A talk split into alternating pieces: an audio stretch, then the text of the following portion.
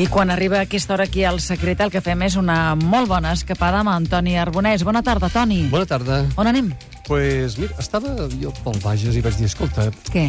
per què no ens arribem al món Sant Benet? Al món Sant Benet. Sí, el món Sant Benet, eh, potser alguns dels que ens escolten doncs, ho coneixen, és un complex que pertany a Sant Fruitós de Bages, a tocar de Manresa i Navarcles, eh, que fusiona l'art medieval un monestir, la natura, la gastronomia, amb la Fundació Alícia, que després explicarem què és, i tot amarit amb unes gotes de modernisme. I se n'hi diu món Sant sí, Benet, món eh? Sant Benet. Aquest és el món que entrem avui. Si et sembla, Sí. eh, aquest món doncs, ens planteja una història de gairebé mil anys. No? De fet, és Sí. la història del món vinculada una mica amb la història de Catalunya i tot comença a partir d'una petita esglesiola. Vols que hi entrem? Doncs som-hi. I fa fred, no trobes? Fred? Sí. sí.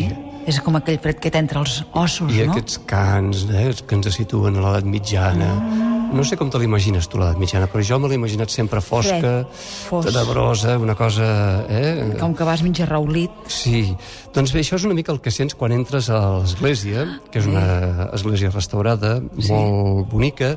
Diuen que és una de les esglésies romàniques més grans i més ben conservades de, de Catalunya. Doncs bé, aquesta església, on comença la història del món Sant Benet, la va fundar fa aproximadament eh, mil anys un noble, el noble Sala, Mm -hmm. i després va viure tots uns alts i baixos i van passar doncs, els sarraïns que la van destruir al segle XII eh, si bé doncs, se'n va fundar una de nova al mateix segle XII i a més a més de l'església doncs, ja van construir un claustre. Després va passar la pesta negra que saps que aquí a Catalunya la vam patir. Sí, va ser... i això va acabar amb la, amb la comunitat monàstica fins al punt que només van quedar dos dels, dels monjos, no? Els vius. més forts. Sí, sí, aquell moment, com no, si no eres fort, pam, s'acabava. Dos, imagina't, Dos. no? Què feien dos sols? Doncs... Aquí en un lloc tan gran, no? Els monjos tan de fred. Montserrat ho van resoldre i Ah. van viure en aquest monestir Sí. alguns segles fins que hi va haver doncs, eh, un altre episodi de la història que tots coneixereu, la, des, la desamortització de De Mendizábal, Mendizábal. que va fer que tots els béns de l'església passessin a subhasta pública i, per tant, la gent que vivia, en aquest cas els monjos, doncs, van haver de marxar. El monestir va quedar buit fins que el 1907, aquí passa un fet curiós, Què va passar? doncs l'Elisa Carbó hi va passar, que era la mare del pintor Ramon Casas, que va Mhm. comprar el complex del monestir per fer-ne casa d'estiueig.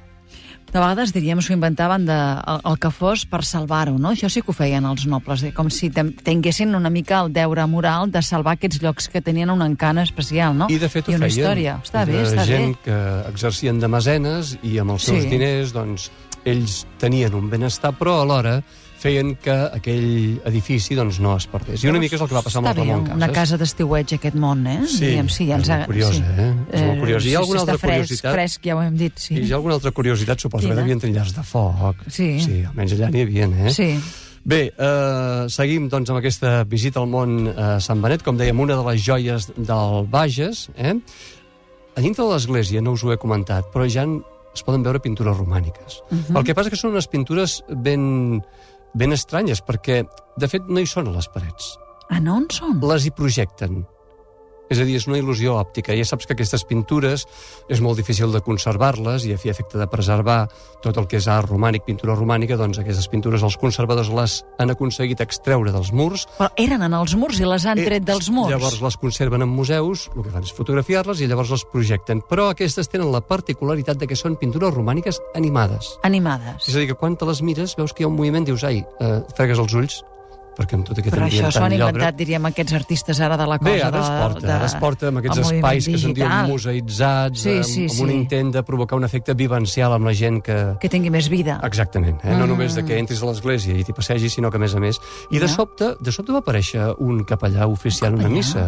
A allà, Però és que jo la- juraria que no l'havia vist. No hi era. Abans no hi era, ni hi Però havia era tampoc altar. O era, va ser un També esperit? era projectat, també, També era era pro- projectat. un Sí capellà un projectat esperit. és un esperit. Sembla un esperit, semblava un esperit. Uh, no sé si era l'Esperit Sant, però... No, això ja- ja no en sé, fi, té- hi té molta- té molta hi feina, eh, té molta Però feina. bé, es projecta una holografia d'un sacerdot Sí. oficiant una missa i et crea realment un sotrac perquè no te l'esperes. Eh? Mhm. Hi ha moltes sorpreses en aquesta visita. Evidentment pots baixar a la cripta, visitar la cripta, doncs veure una talla de- d'una verge, una talla de fusta policromada, molt interessant, i el claustre, fins a arribar al claustre, que evidentment doncs és com passa sovint en, en, en aquest i en d'altres monestirs, la joia del monestir. Però ara ja no és de la família de Casas ara ja i Carbó, no, ara de ara qui ja no. és tot aquest Bé, món? aquesta, aquesta, aquest complex, aquest monestir, el va comprar la Fundació de la Caixa de Manresa Uh -huh. per restaurar-lo. Molt bé. Eh? Perquè Ja si bé els cases eh, hi van ja invertir anys. diners, sí, sí, Sí. fa alguns anys. Eh? I llavors això ho van restaurar i eh, ho han obert doncs, al públic, uh Mhm. -huh. per això doncs, hi vaig poder anar jo, i es pot, eh, es pot visitar tot aquest eh, complex que us he explicat, d'església, claustre, eh, cripta, etc etc Molt bé. que és aquest recorregut històric doncs, que hem, amb, el que hem, amb el que hem començat amb una immersió a l'edat mitjana. I em deies, d'una banda, que hi havia, a, a banda de l'església romànica, doncs tenia això, les pintures murals, com a elements que volíem destacar, eh? En Exactament. algunes parets de la nau central. Després aquesta talla de fusta policromada de la Mare de Déu. La Sí. cripta, i què més I tenia? el claustre, que és un claustre magnífic, que consta de sis jocs d'arcades dobles, 64 capitells que expliquen la història, o diverses històries, eh, expliquen la vida religiosa quotidiana, hi ha motius també florals, d'animals, motius geomètrics, és molt interessant. I n'hi ha un, per exemple, d'aquests capitells just a davant de l'entrada del que era el refectori, perquè ara no existeix el refectori, on s'hi representa el pecat capital de la gula, dos monstres obligant a menjar dues ovelles. I això era per recordar el dolor i la malaltia en els monjos que entraven al menjador. És a dir, no sigueu golafres, que si no, Mm. patireu. Bé, com us deia, aquest complex el va comprar la família Casas i, per tant, hi ha una part que eh, d'alguna forma conserva algunes de les dependències on van viure els cases. Ah. I aquesta és una altra part doncs, de la visita, molt interessant. En aquí també es recrea una mica la vida que portaven els cases eh, en aquella època. Eh, penseu que quan mor Elisa Carbó, que és la mare d'en Ramon Casas, llavors el pintor li encarrega al seu amic Puig i Cadafalc una remodelació de tot el complex. D'aquí, doncs, aquest punt modernista que tenen aquestes dependències. Evidentment amb les pintures d'en Ramon Casas, òbviament que n'hi ha algunes d'originals. Ah, està molt bé, diríem. En podem veure pintures originals d'en Ramon Casas, I fixa't que hi ha una part del mobiliari que està fet amb el que era el retaule de l'església. Mm, no tot ho van conservar els cases. eh? Mm. I la presó? Sí, la presó hi és perquè abans aquest monestir va haver-hi una època que va exercir de senyor feudal i cobrava delmes als pagesos de l'entorn.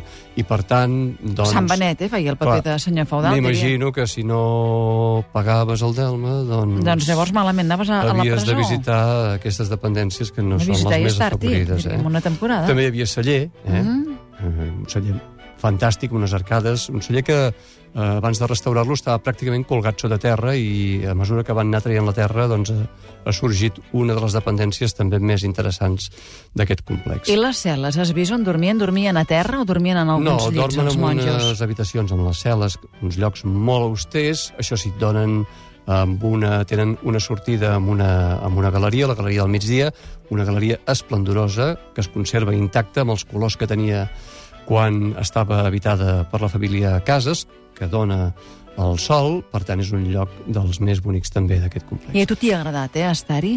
A mi m'ha agradat, i a més a més és això que us explico, o que intento transmetre-us, de que és un lloc que, eh, que et comporta sorpreses, és a dir, que hi ha coses que no t'esperes, eh? perquè jo us he dit unes quantes, però n'hi ha d'altres, que ja Mm. descobrireu vosaltres quan hi aneu. I, evidentment, a mi, almenys, una de les coses que em va sorprendre més també és trobar que hi va haver alguna persona que va vincular el que és l'art medieval, romànic, el modernisme, amb l'alimentació. Això que dius de la Fundació Alicia, eh, que sembla, diríem, està buscat expressament el alt d'alimentació i aquest ser de, de ciència, una Exacte. mica. Alicia és una fundació, és un matrimoni, per dir-ho d'alguna forma, ortodoxa, d'alimentació i ciència, dos conceptes doncs, que són els que doten de sentit aquest complex. Està apadrinada pel gastrònom Ferran Adrià i pel cardiòleg Valentí Fuster, perquè ja saps doncs, que aquest eh, binomi és essencial per tenir una vida millor Sana, i més sí, sí. llarga, una vida sana. Sí, sí. I, evidentment, està finançada per l'obra social de la Caixa de Manresa, que és, com t'he dit abans, doncs, els que, Que són ara els els que han propietaris. portat a terme doncs, la restauració, els propietaris de tot I què hi fan complex. en aquesta Bé, fundació? en aquí s'investiga, eh, s'hi procura fer innovació tecnològica en cuina, promoure els bons hàbits alimentaris i potenciar la difusió del patrimoni agroalimentari i gastronòmic de casa nostra i una mica també recuperar varietats d'hortalisses que, que s'havien perdut eh, i que són autòctons. Per exemple, quan hi vaig ser jo, doncs en la botiga, que també hi ha una botiga, eh, perquè no pot haver-hi un complex d'aquestes característiques Sense sense una una botiga i un restaurant. Eh? Sí. Doncs bé, en la, en la botiga, per exemple, hi podies trobar albergínies blanques. Albergínies blanques. Tu n'has vist albergínies blanques? Fa molts anys, em sembla. Doncs bé, aquesta era una espècie autòctona de Catalunya que s'havia perdut i d'alguna forma es recupera. Clar, clar. Per això serveix, per exemple, la Fundació Alícia. Alícia. Evidentment aquí van escoles, hi ve gent d'altres països a visitar, interessar-se per aquesta innovació tecnològica en matèria de cuina i, per tant, per acollir aquesta gent, també hi ha un hotel, l'Hotel Mont. Vas a un hotel que És es un diu cercle Mont, perfecte. És un cercle perfecte, una escapada perfecta. Una escapada perfecta. Toni Arbonès, ens has portat avui al món Sant Benet. El Mont Sant Benet. Gràcies. A vosaltres.